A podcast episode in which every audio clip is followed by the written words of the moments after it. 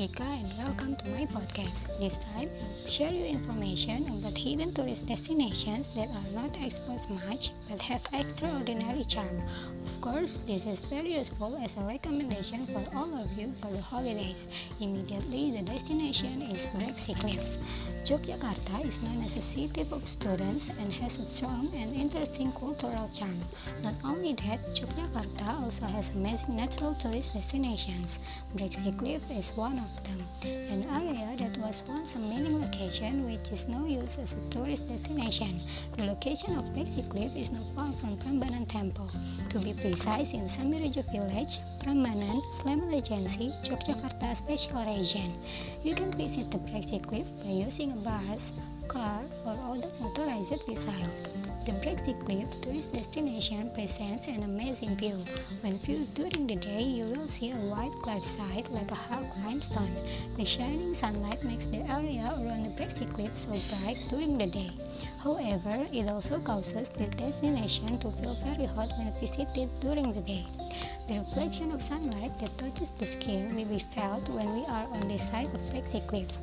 The reflection of sunlight that is so bright also enters our eyes easily, so that it will feel quite clear.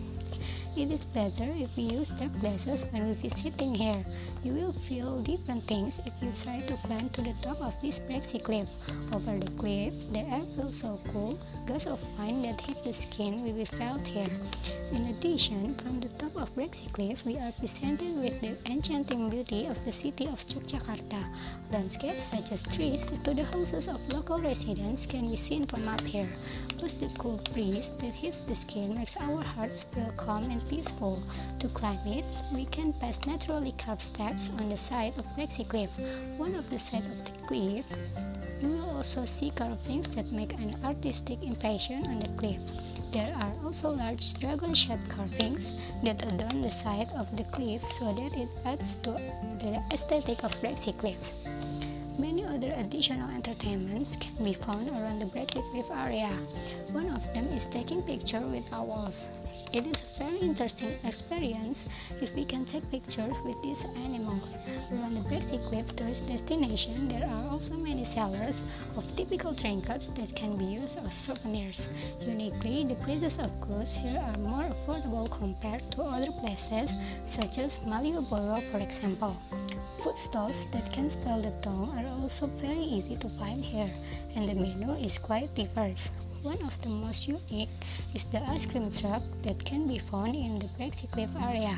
Ice cream is indeed a very suitable thing to enjoy when visiting Breksi Cliff. The heat of the air temperature can be overcome with a sweet, soft, and cool ice cream that touches the tongue and soothes the body. Breksi Cliff is a tourist destination that you must visit when you are on vacation in Yogyakarta. Even though is not as popular as the Prambanan Temple, which is located not far from Breksi Cliff, what is presented is no less enchanting. With a very affordable cost and extraordinary beauty, Breksi Cliff is highly recommended tourist destination to visit. Okay everyone, here is my podcast this time. Thank you for your listening and see you on the next time.